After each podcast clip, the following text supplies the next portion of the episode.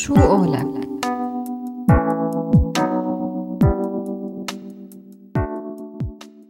ضيف حلقتنا لليوم الدكتور السوري بسام عويل المختص بالاضطرابات النفسية والجنسية. مقيم حاليا في بولندا وهو باحث سيكولوجي وعالم نفس وحاصل على درجة البروفيسور بعلم النفس. سوريالي سوريالك سوريا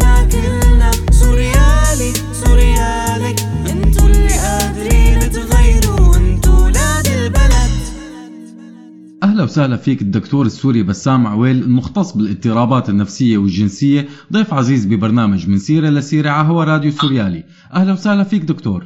مساء الخير. أهلا وسهلا فيك وبالراديو بمستمعين الراديو. الله أهلا يخليك. وسهلا فيك.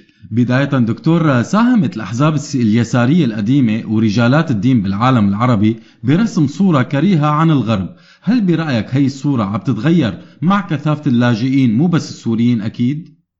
هلا آه إذا عم نحكي بدنا نحكي عن الصورة النمطية أكيد ناس كثير ساهموا بتشكيلها ولكن تشكيلها كمان اجى عبر مساق تاريخي معين. خلينا نوضح بعض الأمور مشان آه، نكون كثير آه، دقيقين يعني بالتعابير. لما بنقول صورة نمطية شو بنقصد فيها؟ بنقصد فيها بالدرجة الأولى برأيي طبعا إنه هي مجموعة أحكام قيمية مغلقة جاهزة اتجاه مجموعة من الناس تنتمي إلى بقعه جغرافيه معينة أو جماعة مذهبية أو قومية أو دينية إلى آخره، طبعا هاي الأحكام مبنية على أفكار مسبقة ممكن تكون صحيحة ممكن تكون مختلقة موظفة يعني تجاه المجموعه هاي، يعني باختصار شديد هو اختزال لمجموعة ناس بمجموعة صفات وتعميم هذه الصفات عليهم دون آه، خصوصيتهم وفرديتهم وطرق تفكيرهم وإلى آخره. هلا بالنسبة للغرب نحن شو وصلنا عن الغرب ومين وصلنا هاي الصورة النمطية عن الغرب؟ وصلنا إياها آه، مثل ما تفضلت أنت إنه آه، علماء آه، مشايخ آه، رحالي إلى آخره إلى آخره قالوا لنا إنه بفرنسا هن هيك بإنجلترا هن هيك بأوروبا هن هيك إلى آخره بنفس الوقت وصل للغرب كمان صورة نمطية عن الشرقي عن العربي عن المسلم وبالتالي آه، هالصورة هاي آه، كانت الأساس طبعا بال- بال- بال- بالتعامل مع الناس فيها. هلأ وصول السوريين أو وصول المهاجرين عموما دول مختلفة يعني شرقية غربية أفريقية إلى آخره إلى آخره. هلأ بالنسبة للأوروبي في أنا والآخر. أنا الأوروبي والآخر. هلا حتى آه لما لما بنحكي بنشوف إنه الأوروبيين بين بعضهم بقول أنا الأوروبي ال- ال- الأوروبي الغربي بيقصد الأوروبي الغربي. لما بصير الحديث بين الأوروبيين بقول أنا الأوروبي الغربي وهذا الأوروبي الشرقي. آه لما بصير في حديث بين آه الشرقيين نفسهم بنقول نحن جماعة الشرق الأوسط ما دخلنا بشرق آسيا. جماعة شمال أفريقيا بيقولوا نحن شمال أفريقيا ما دخلنا بجنوب أفريقيا. وهو إلى آخره. بمعنى إنه هاي الصورة هي عبارة عن تبسيط. هذا التبسيط بيفيد كثير بالتفكير هلا. من الناحيه السيكولوجية آه، نحن ما قادرين إنه نتعامل مع كل الأمور بكل تفاصيلها بنفس الوقت. لذلك بناخذ هالاختصارات. هاي والاختصارات بتساعدنا على إنه آه، نفهم بعض الأمور ونطلق الأحكام. وبنفس الوقت طبعا هاي الأحكام عادة ما بتكون آه، يعني مجيرة. بمعنى إنه أنا واحد بيسألني إنه شو رأيك بالأفارقة؟ أو شو رأيك بالعبيد؟ هلا شوف آه، لما بسمع أنا الس- السؤال شو رأيك بالعبيد؟ آه، بنط لذهني مباشرة الصورة النمطيه للعبد اللي هو بطبيعة الحال تم تسويقه على إنه أسود أو إنه أسمر البشرة يعني. ولكن لما بيسألوني إنه شو رأيك بالأفريقي ممكن أنا أفكر مثلا بنيلسون مانديلا. وقتها بالرغم من إنه نيلسون مانديلا هو أسمر أسود ولكن أنا ما بحط صفة سماته آه، ال- ال- الأفريقية بالدرجة الأولى ولكن أنا بفكر فيهم من مناضل حقوق الإنسان وإلى آخره وإلى آخره. الأدب والفن الغربي يا دكتور وأكيد الإعلام الغربي فيما بعد ساهموا برسم صورة نمطية عن كتير من شعوب العالم وبما فيها طبعا العالم العربي هل برأيك اليوم حركة الهجرة لأوروبا حتساهم بتغيير هاي الصورة؟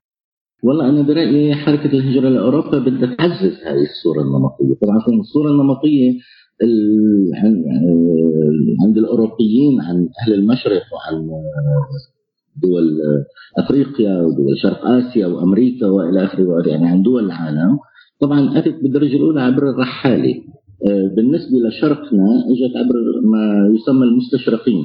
المستشرقين اجوا آه، مثلا قسم منه على سوريا قسم على لبنان قسم على العراق قسم على جنوب أفريقيا قسم على شرق آسيا إلى آخره.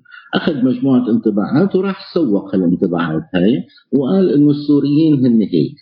آه، قال الأفارقة هن هيك. قال كان هو هيك هو هيك. طبعا كان من الصعب كثير بالنسبة للأوروبي العادي إنه آه، يتعارض مع الأمور أو يعارض الموضوع هاي لأنه ما بيعرف وبالدرجة الثانية إنه هذا الرحالة له مكانة اجتماعية معينة وبنفس الوقت خاصة إذا في وراء إعلام معين فما كان فيها التواصل هلأ وجود آه، الهجرات حاليا نعتبرها شرعية لا شرعية إلى آخره آه، حطت الأوروبي قدام مفارقة إنه هو بده يثبت إنه هاي الصورة النمطية صحيحة ولا ما صحيحة. هلأ مشان يثبتها إنها ما صحيحة من المفروض أنه يتقرب من كثير من هذا المهاجر. آه ولكن آه مشان يتقرب من المهاجر كمان المهاجر لازم يتقرب منه. وهذا الشيء اللي ما عم يصير. بالتالي حتى وجود هالهجرات وجود المغتربين وجود المهاجرين اللاجئين إلى آخره الهاربين الفارين يعني في هون مجموعة تسميات كثير. بأوروبا. ما عم تسمح للأوروبي بالرغم من إنه يمكن عايشين بنفس البنايه أو عايشين بنفس الشارع بنفس الحي بنفس المدينة ما عم تسمح لهذا الأوروبي إنه يتعرف عليه. لأنه كمان عند هذا المهاجر في صورة نمطية عن جاره الأوروبي اللي هو ممكن يكون حاملها معه من صغره يعني من خياله الاجتماعي أو من ثقافته إنه هذا الأوروبي منحل اخلاقيا منحل ثقافيا ممكن يكون سترجي ممكن يكون يعني بصفات معينة فبالتالي أنا ما بدي أتعاطى معه.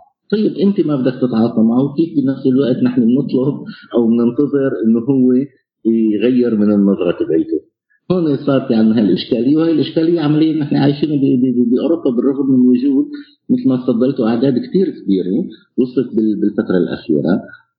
واللي بزيد أنا برأيي الأمر سوء هو إنه هالأعداد هاي إجت بدون خيار الشخص الأوروبي. بمعنى الأوروبيين عمليا ما كان عندهم خيار إنهم يستقبلوا ولا ما يستقبلوا. هي الحكومات هي اللي قررت إنه نستقبل مثل ما صار بألمانيا مثلا وما صار بفرنسا ببعض الدول إنه بنستقبل نحن لاجئين بنستقبل مغتربين إلى آخره.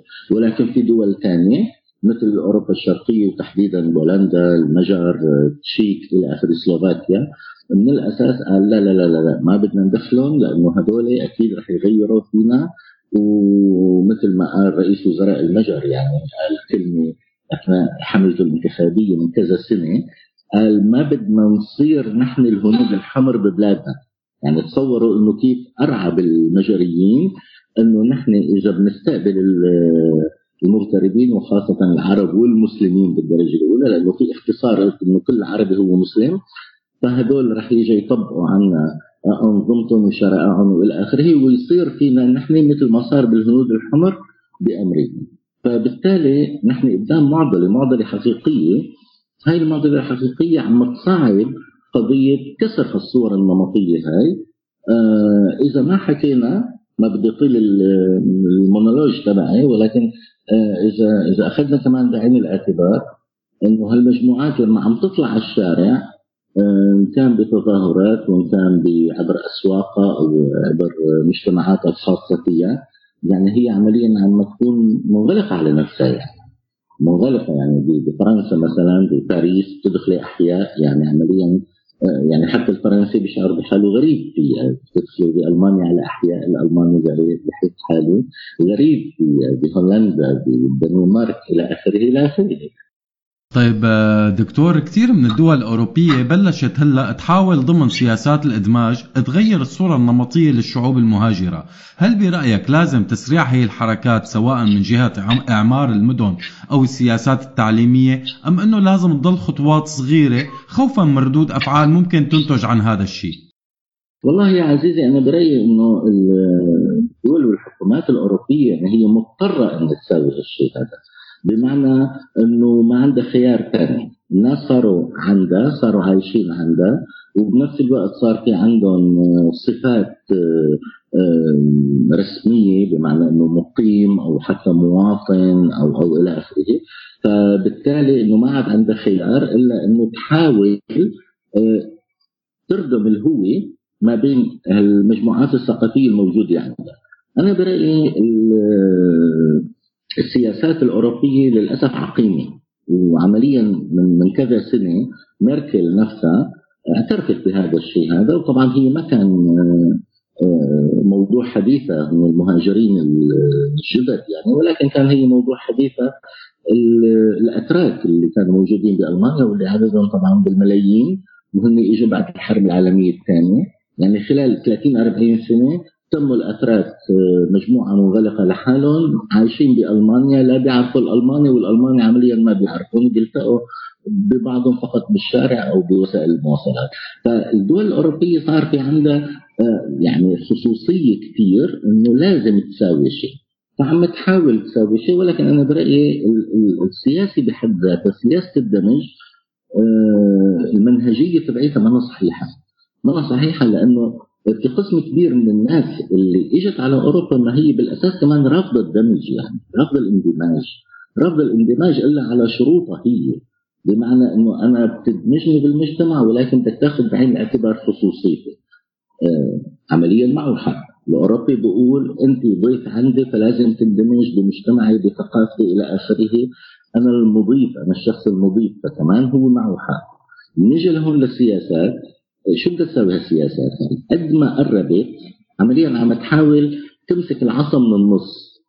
سياسة مسك العصا من النص أنا برأيي آه، يعني دائما أي نسمة ما بدنا نقول رياح فأي نسمة ممكن تخلي العصا تميل إما لهذا الجانب وبالتالي يكون الجانب الثاني غير رضيان أو لهذاك الجانب وكمان الجانب الثاني بيكون غير ربيع كثير بيكون كويس إذا الدول الأوروبية بتتعلم من كندا. من كندا السياسة الكنديه بدمج الناس كلياتها ولكن السياسة الكندية بتتميز إنه ما بتدمج فلان مع فلان ولكن بتدمج فلان وفلان بالكندي بالصورة الكندية. أنت بمجرد أخذت الإقامة الكندية بمجرد أخذت الجنسية الكندية بقول لك مرحبا مرحبا بك. يا كندي في كندا. بمعنى أنك أنت صرت منهم وفيهم. وأنت عم تنتج الثقافة الكندية. أنت مانك بحاجة أنك تلتصق بالثقافة الكندية أو تاخذ منها لانك أنت عمليا عم تنتجها. فقضيه قضية المنهج. طبعا ليش يعمل السياحي؟ أنا برأيي إنه آه، آه، بكندا مثلا آه، اعتبروا هذا الأمر خيار استراتيجي. بأوروبا للأسف الأمر عم يتعلق بسياسات جدا مرحلية بمعنى إنه حل المشاكل هلأ بدنا نحل المشكلة هلأ بدنا نخفف التوتر هلأ بدنا نلملم الأمور. فسياسة لملمة الأمور للأسف يعني دائما بتكون قصيرة الأمد. سؤالنا اللي بعده الاختبار الجيني دكتور يلي بيحدد أصول الإنسان وجذوره عم يساهم كتير بكسر الحدود بين البشر. كيف ممكن تتخيل يكون العالم في حال ضل الاندماج بين الحضارات والثقافات؟ لا الاندماج رح يستمر. الاندماج بين الحضارات والثقافات هو مسار طبيعي ومسار آه، صيرورة فينا نقول صيرورة طبيعية ما حدا ممكن يوقفها. وخاصة بعد فتح الحدود مثلا بين الأوروبيين بين الأوروبيين والأمريكيين آه، بين دول كثير بإمكان الواحد يسافر بدون فيز بدون أي شروط مسبقة إلى آخره فبالتالي الاندماج صار واقع.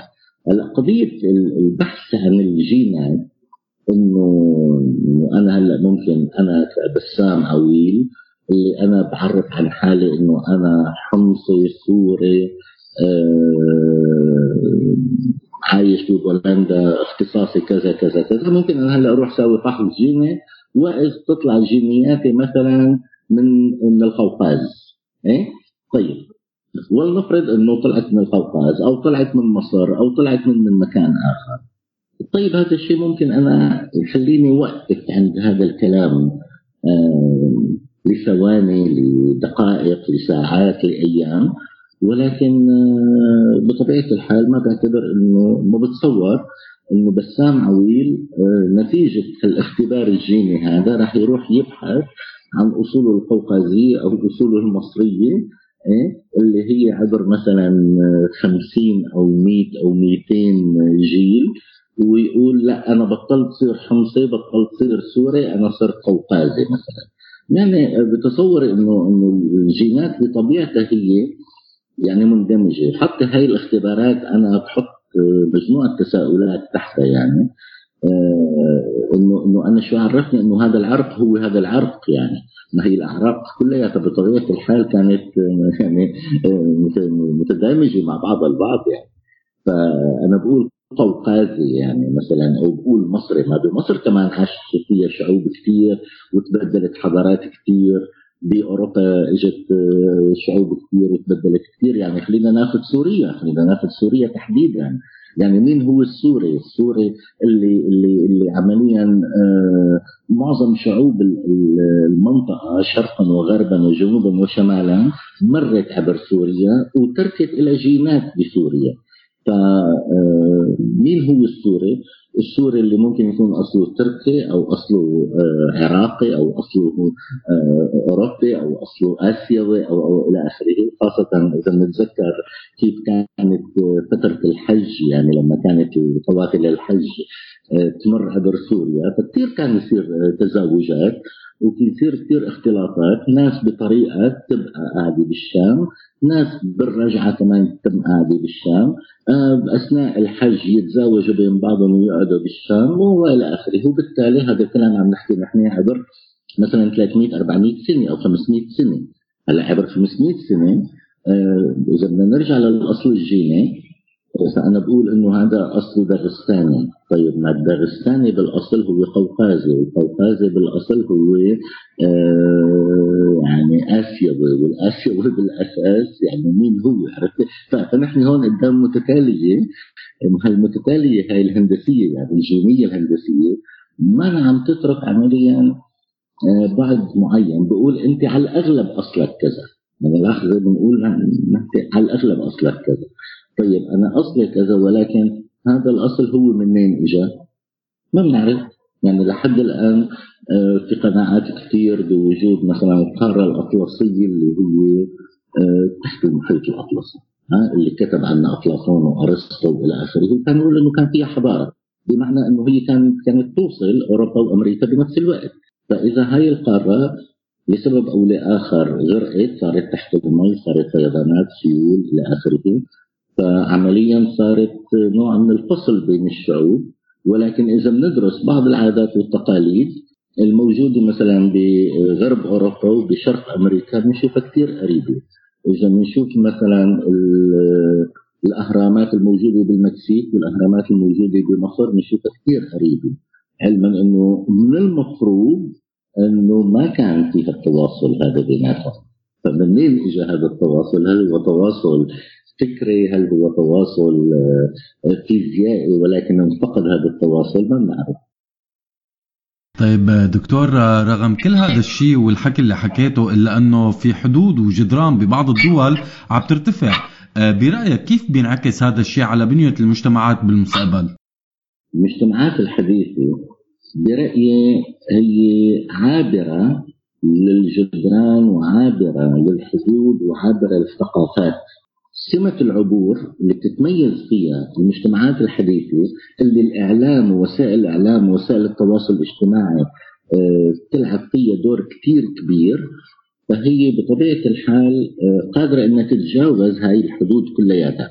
آه، أهم معضلة قدامنا أو أهم استحقاق إذا فينا نقول هو استحقاق الخروج من الإطار النمطي الضيق اللي نحن عمليا عم نوقع حالنا فيه.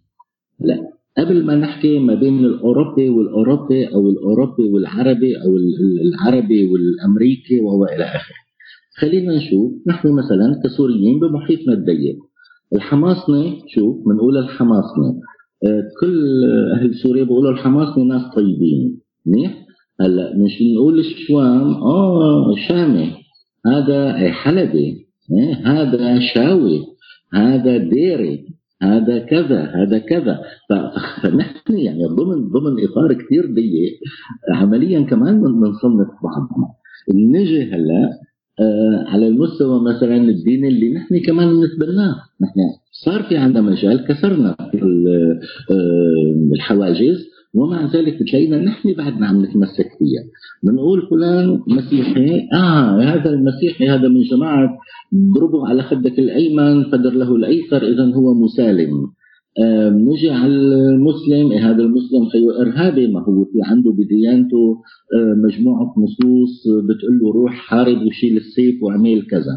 آه اليهودي اليهودي إذا نرجع مثلا نحن أخذنا الفكرة تبعيتنا. طبعا قبل ما نقول بالاحتلال الصهيوني لاسرائيل وإلى آخره، نحن إجتنا صورة اليهودي إنه هذا تبع بده ياخذ ارطال اللحم الثلاثه أو هذا المكار أو هذا التاجر أو من تاجر بندقية يعني بيقولوا بنيجي مثلا الفلاح، الفلاح وين من كان؟ حتى باوروبا هدول دراويش ابن المدينة خبيث. آه الأوروبيين منحلين اخلاقيا يعني الشرقيين نحن عاطفيين. طيب الرجال كذابين النساء مضطهدات. يعني عايشين مع بعضنا نحن عايشين مع بعضنا. مسلمين ومسيحيين ويهود وفلاحين وأبناء مدن وأوروبيين وشرقيين ورجال ونساء وإلى آخره. وبنفس الوقت نحن اللي حاملين آه بدواخلنا الصور هاي وكأنه هي عم ترضينا. يعني لو ما عم ترضينا لو ما عم تأدي وظيفة معينة فما بتخلينا نحن نتمسك فيها. فهون السؤال الأساسي قبل ما نحكي عن المجتمعات يعني بمعنى التجمعات البشرية الكبيرة لأن المجتمعات هي مجموعة أفراد. فهالأفراد هاي كل فرد من أفراد هالمجتمعات التقليدية أو الحديثة طالما هو متمسك بالصور النمطية عن نفسه وعن الآخر فبشكل دائم آه نحن اللي عم نحط الحواجز والحيطان والموانع والسواتر والحدود وإلى آخره.